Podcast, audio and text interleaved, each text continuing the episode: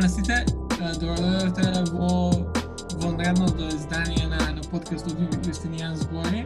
Не планирано ова дојде, ама по последните случувања што се случија на нашиот факултет, одлучивме да се вклучиме, ние и да представиме ситуацијата што поточно се случува, кои се следните чекори и како како студентите реагираа во претходните неколку денови, поточно од која и ја објавивме нашата прва епизода, па се до денеска. Ние сега моментално, моментално е 10.43, сабота вечер.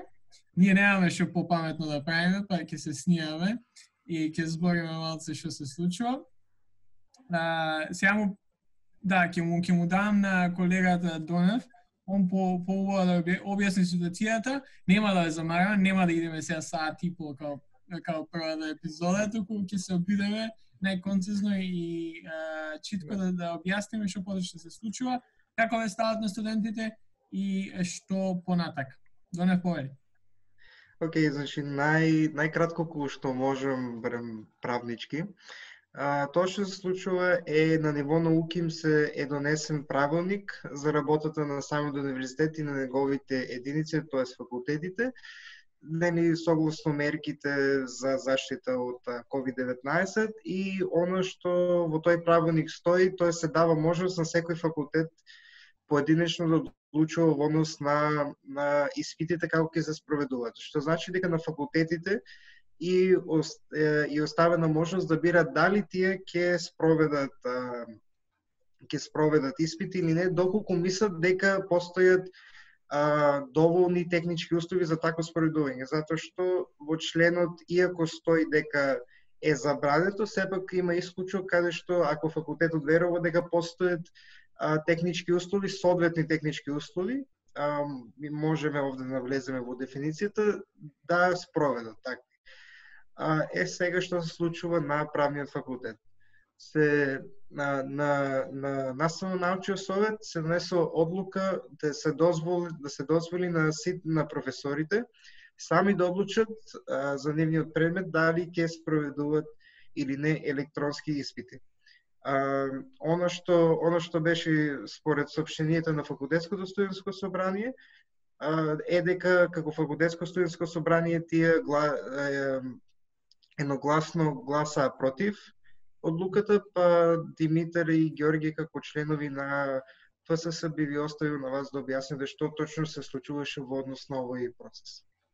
Е, можем, можем ја овде малце да преземам, како што кажа член сум на, на ФСС направен и ја би зборел за што предходеше на одлуката наша, имено као како репрезентативно тело на студентите, избрано од, од нивна страна а, минатиот декември, ФСС се состана едно недела или две пред седницата па на ННС, каде што беше дискутирано кои ќе бидат нашите следни чекови и како како би стапиле како единствено тело на студентите кое кое ги представува нив на на овој факултет, со каков став би представиле, имајќи во обзир дека сме избрани од студентите, за да биеме нивни представници да да го да го застапуваме нивниот став. На истата таа седница, а, после, мислам, два сати, беше одлучено дека нашите студенти кои не представуваат на ННС ќе гласаат против било какво електронско а, оценување поради неколку причини, една од кои а, е, а, е фактот дека немаме соодветни технолошки услови за, за такво тестирање и дека контролата при вакви, вакви електронски оценувања би била минимална скоро и да не постои, што за нас како собрание е, е незамисливо да, да се дозволи и да, да се учествува во вакво оценување, бидејќи сепак на крајот на денот сакаме диплома која би била квалитетна. Е сега, на седницата исто така се дискутираше и за онлайн предавањата и како собрание одлучивме И мислам дека веднаш, а, мислам дека ние се состанавме у недела, од понеделник почнавме почнаа скоро сите а, професори да, да држат онлайн предавање, кога собрание одлучивме да ја доставиме нашата и да ја понудиме нашата помош на сите професори, доколку а, дали дали би било организирање на нашите групи за да сите бидат присутни на, на или да знаат дека има предавање онлайн во било каква во било каква улога, таа помош би ја доставиле и ја доставивме до самите професори. А околу тестирањата едноставно црсто стоевме на сталот и а, мислам дека нашите студенти кои беа на ННС, која се одржа на Microsoft Teams, а, едно, ја го пренесува тој став. А, повеќе за тоа мислам Димитар може убаво да каже, тој е еден од студентите кој е член на ННС од, од факултетското собрание, па би му, би му ја дал палката сега на него. Да, да, на, на ННС се дискутираше за онлайн а, полагањата, но една работа, тоа аргументација на професорите зошто односно како треба се справиме со онлайн полагањето е дека тие како професори имат нели академска слобода и можат да одлучат на каков начин ќе го вршат оценувањето на нивните испити. Со оглед на таа аргументација се дојде до тоа дека ќе се одлучат тие што понатаму со онлайн полагањето. И исто така се напомни дека одреден дел од професорите беа против да се има онлайн полагање. И сега во случај ако има онлайн полагање, ќе дојдеме во ситуација кога што одредени студенти, кога одредени професори ќе полагаат, одредени студенти нема да полагаат. И сега ќе има едни кои што ќе бидат понапред во процесот, а други ќе уназадат. И така натаму. Но исто така се спомни зошто не треба да има онлайн полагање. Настрана од од очигледното Ѓорги ти што го спомна дека не може да се гарантира квалитетот, дека можно е да се препишва, се може не, не немаме моментално таква техничка платформа што може да осигура сигурност. Исто така има дел од студенти што немаат ни лаптоп дома, немаат камера, немаат стабилен интернет и така натаму, се ќе дојде во ситуација да дојдат да полагат и да се изгуби конекција или X причина нешто да се деси и се тие ќе останат да не полагат. И така натаму. И после данас, нели, се одлучи тоа што се одлучи, ние гласавме против, нели? како што предходно договоривме предходна седница, се одлучи да има вонредна седница на ФСС правен, каде што на таа вонредна седница се даде предлог и се усвои тој предлог да се оди со консултативен референдум во Google Docs формат, каде што студентите ќе имат можност да се изјаснат, директно да изјаснат каков им е ставот, дали се за или против онлайн полагање и се разбира, ние како нивни представници кои легитимитетот го црпиме од нив и треба да делуваме како што тие ќе ни кажат, понатаму ќе делуваме. И сега можеме понатаму да разговараме и за резултатите, веќе се излезени резултатите. Можам ја овде нешто само зборува да додадам дека Да, да, може, може. Дека како собрание а, иако претходно ја имавме донесено одлуката да дека сме против онлайн онлайн тестирање и цврсто се уште стоиме на тоа, сепак сакавме преку една алатка која која имаме преку консултативниот референдум да ги да ги консултираме студентите и така да добиеме некаков легитимитет во нашиот став дека сме против онлайн тестирање, бидејќи свесни сме дека и по Facebook и во разговори по нашите групи, по пријатели, студенти, колеги, едноставно дел од студентите се против, дел од студентите се за, па сакавме да, да се уништи таа илузија дека ние одлучуваме без да ги консултираме наши, нашите студенти. Затоа, мислам дека сега може да преминеме на самите резултати, кои што после целодневно гласање од синоќа од 8 часот, па се до денеска до 8, преку Google Forms, секој студент имаше пристап до до гласањето на на овој референдум. Димитар, мислам дека ти може и да ги ставиме на на екран. Да, да, може, може. Па да видиме што и како и какви какви се првичните резултати. Мислам за конечни ќе ги има вечера, ама не знам дали ќе биеме лайв, дали ќе снимаме. Најверојатно ќе се испиеме. А дали сме уклучени? Да, да, да. Да. Да, еве, тие што можете видео да гледате овој подкаст, ќе видите за тие што аудио слушате. А, Прашањето на референдум беше дали сте за организирање на онлайн полагање на правен факултет. 751 студент има гласано, од кои 501 беа против онлайн полагање или 66,7%, а 250 студенти, односно 33,3% беа за онлайн полагање. Е сега да видиме следно што има. Има по години на студии. Најмногу гласале од прва година, 20, скоро 26%, 25,8%. Следно втора година, па трета година, па абсолвенти, па мастер и трет циклус, така натаму. Убедливо најмногу имат гласано од правни студии, 86,4%. И тоа е тоа што се однесува. Значи, на овој референдум се изгласа против онлайн полагање, односно студентите така се изразија. Е сега, дај да, да, дај да позборувам, бидејќи може да се стави во прашање легитимноста на референдум.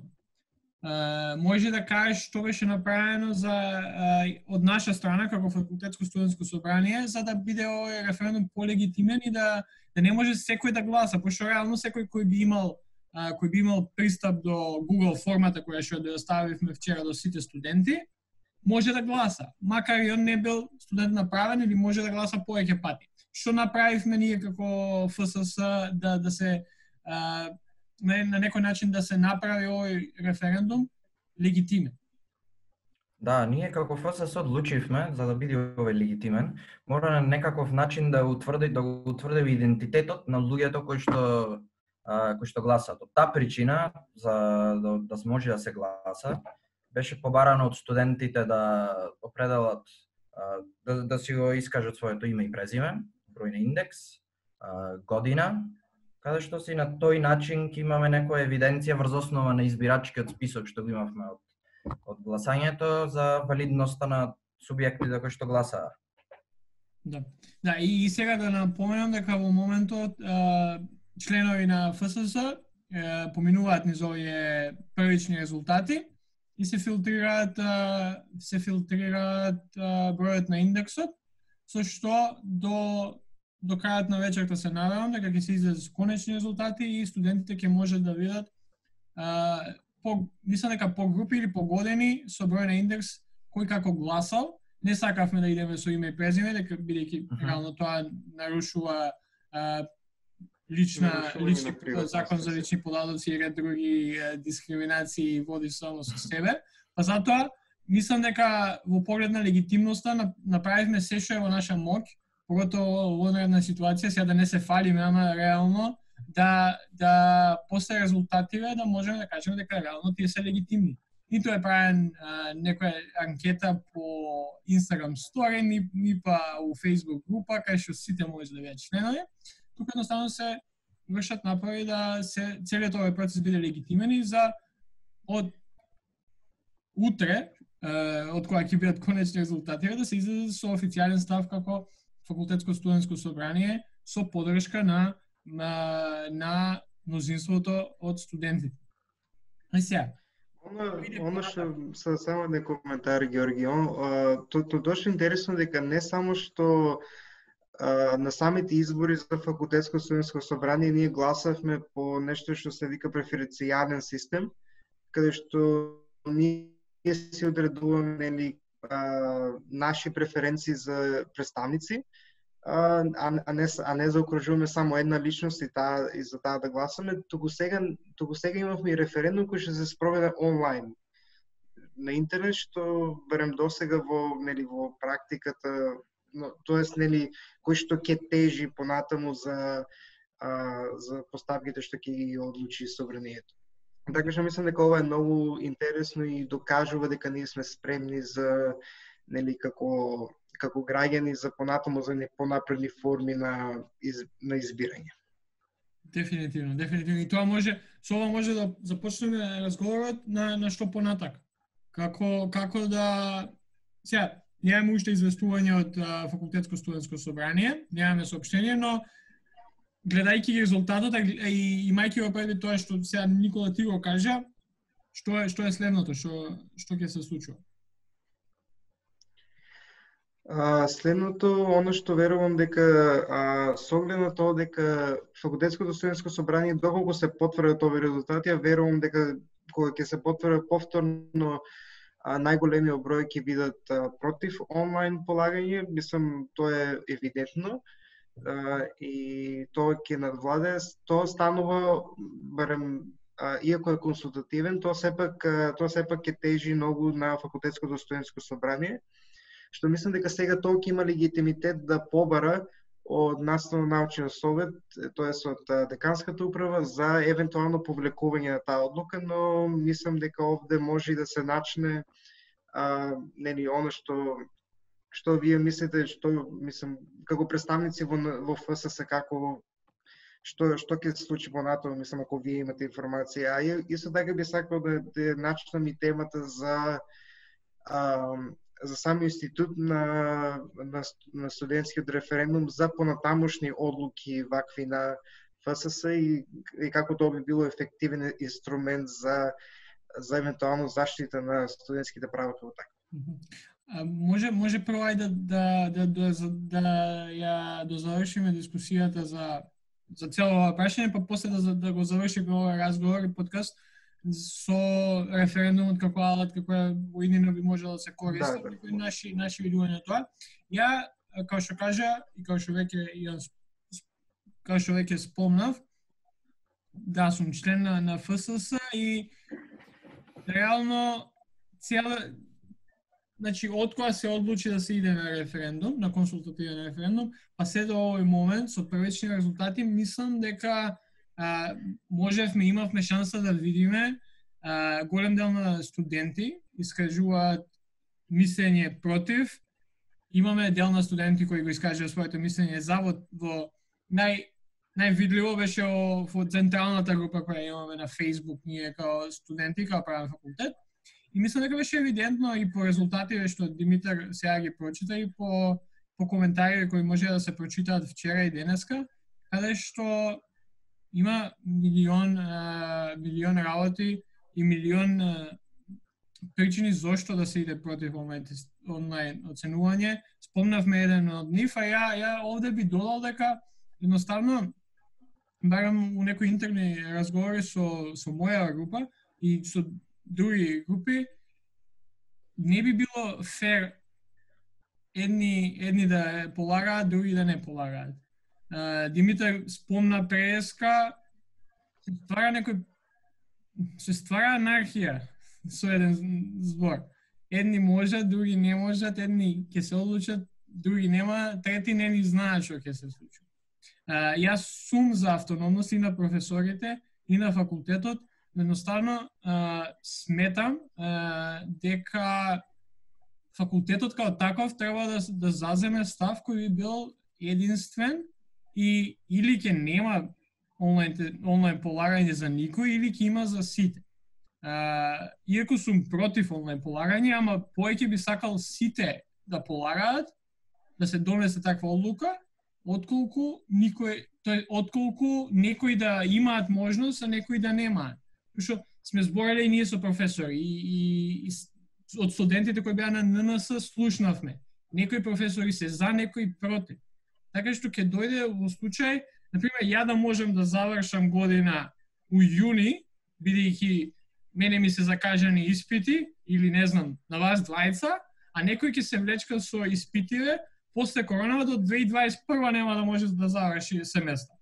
И, и тоа ми е мене еден од еден од главните една од главните причини зошто зошто едноставно се изгласа вакво и видовме убедливо студентите се против онлайн оценување. А можевме, мислам дека имаме примери од, и од други факултети, еден од нив Фейт, на кој што пред, мислам, пред три дена на седница на ННС се донесе дека нема да има можност ни на колоквиум, ни на испити онлайн. Значи, ако еден фейт може да да каже дека они немаат соодветни технички средства и, и нема и нема да се одлучат на тој чекор да идат онлайн тестирање, кој што сепак ФЕИД е еден од оние факултети кој би бил нај кој би имал најголема шанса да, да, да, да направи нешто такво, бидејќи имаат а, таков име факултетот, така. Е се, ако еден фейт не може, дали може правен? Тоа е прашањето и, и, и како што кажав, или сите или никој, пошто вака се само едни ќе бидат привилегирани од другите, а другите нема да може ништо да направат, пошто професорот така одлучи. Да, оно, оно што друго би додал е дека на ниво на, доколку зборуваме овде за принципи некои, де, де дефинитивно многу е поефективно во ваква модерна состојба да се оди координирано и унифицирано како факултет и како собрание, отколку да имаме она малте не анархија во а, во студирањето. И во и нели сепак студентите се и, а, оно што барем за мене е дека студентите мора да сванат сватат дека а, сите сме заедно во ова и не а, и не според мене не држат вода оние аргументи кај што не е важно ако сега а, не, не ако сега не солидни студенти добијат поголема оцена, а, тоа ќе се покаже понатаму. Да, точно ќе се покаже понатаму, но овде станува збор за квалитетот на, на, на образование на нашиот факултет, кој што сме го избрали, кој што понатаму ќе барем би требале да викаме гордо дека е наш ома матер факултет а, во заиднина. да. Да. Тука да, многу многу добри многу добри поенти, мислам, да, многу е многу битна координацијата во овој период. Не може еден факултет како правен, кој што очигледно правен факултет не би можел да има подобри технички средства за онлайн полагање отколку електрофакултет или финк или кој било. Мислам дека многу е битна координацијата тука. Треба сите факултети да имаме некое заедничко решение во овој случај. Во мое мислење е дека заедничкото да решение во овој период треба биде да се нема онлайн полагање, како што најверојатно и ќе биде. И така натаму, вклучувајќи и сите факултетски студентски собранија, е сега, еве, референдум имаше, се одлучи тоа што се одлучи, и што после со референдумот како ние, како ФСС, ќе доловиме таа одлука на студентите, да мислам дека тој и ни работи. Мораме да си работиме работата, да ни избраја тие за нивниот глас, ние да го представиме пред органите на на факултети, треба тоа то да го правиме. Значи студентите нас едноставно ни кажа, огромен број студентите дека не сакаат во вакви услови да има онлайн полагање. И ние треба со таа порака да излеземе пред факултетот, да излеземе пред органите на факултетот и да се бориме за тоа што го искажа студентите, дека онлайн полагање нема, дека онлайн полагање не треба да има и дека тоа онлайн полагање не го гарантира квалитетот кој што ние како студенти го заслужуваме. Утре други некој ќе дипломира и сега ако дипломира со онлайн полагање, која е вредноста на, на таа диплома? А сакаме да се пофалиме дека правен факултет Јустинијан први е најдобриот правен факултет во државата и со онлайн полагање само под наводници ви се извалкало името на Јустинијан први. Да, дефинитивно и, и само да повторам тоа што го кажа ви преска. И по по ти што што каже, било каква унифицирана а, одлука е подобра од одлука која им дава на сите, тоест им дава на професорите сами да одлучуваат И, и не е ова, ние не окажуваме сега ова за да бидеме против професорите, ниту пак сакаме да бидеме против нив, ниту пак сакаме да им ограничиме академската слобода. Едноставно, или сите да полагаме, да се направи напор, да се направи начин сите да полагаме, или никој да не полага. Ние не сме сите да полагаме. И го, не, не го застапуваме тој став. Ама секако е подобро, отколку некој да полага, некој не. И, и мислам дека со ова може да се заврши, освен ако вие немате нешто да додадете, и да, да зборуваме за референдум. Каква, да. а, како ја гледате као алатка, ја имам своји ставови за тоа, ќе ви давам прво вас да кажете, па ја ќе се надоврзам, ама како мислите дека може као алатка да се искористи понатак?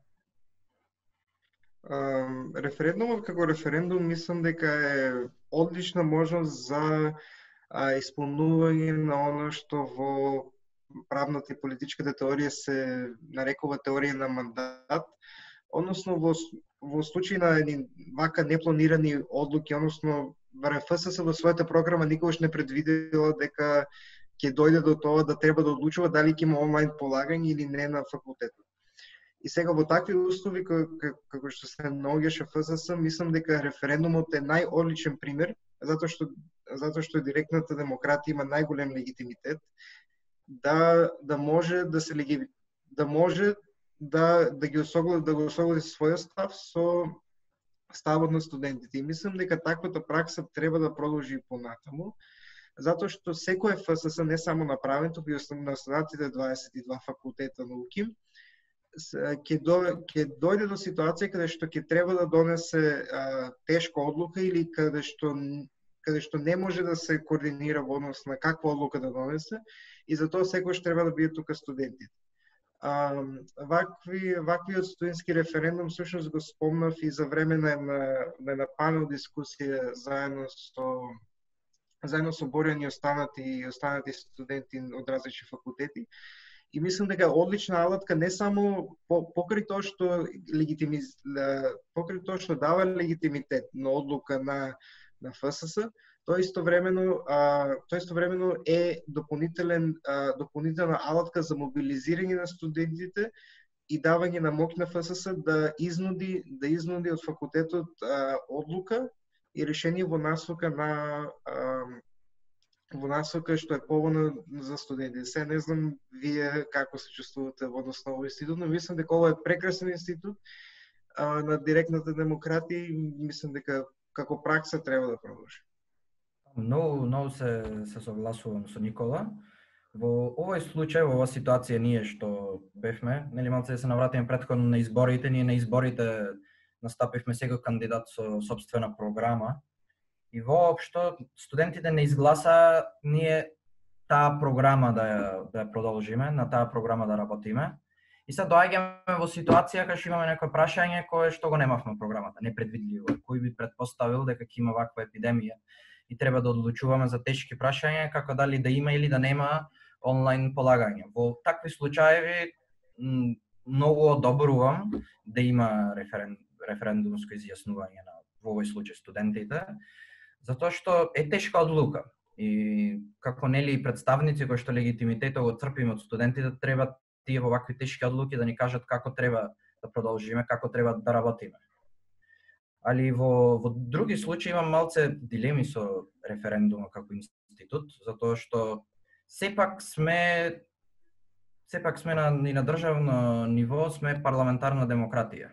И сега се гласа и сега му се дава определена доверба на тие пратеници да, да на тие пратеници да си работат работата и да работат во интерес на во интерес на гласачите. И сега ако бараме за поголем дел од прашања да има референдумско изјаснување, тоа веќе се заматкуваат некои работи. Тоа е процес да се изготви референдум. Треба процес на кампања и така натаму и така натаму се се губи време, нешто што може да се заврши во еден, во два дена, треба сериозен период од недела, две, три да се помини. И затоа мислам дека треба еден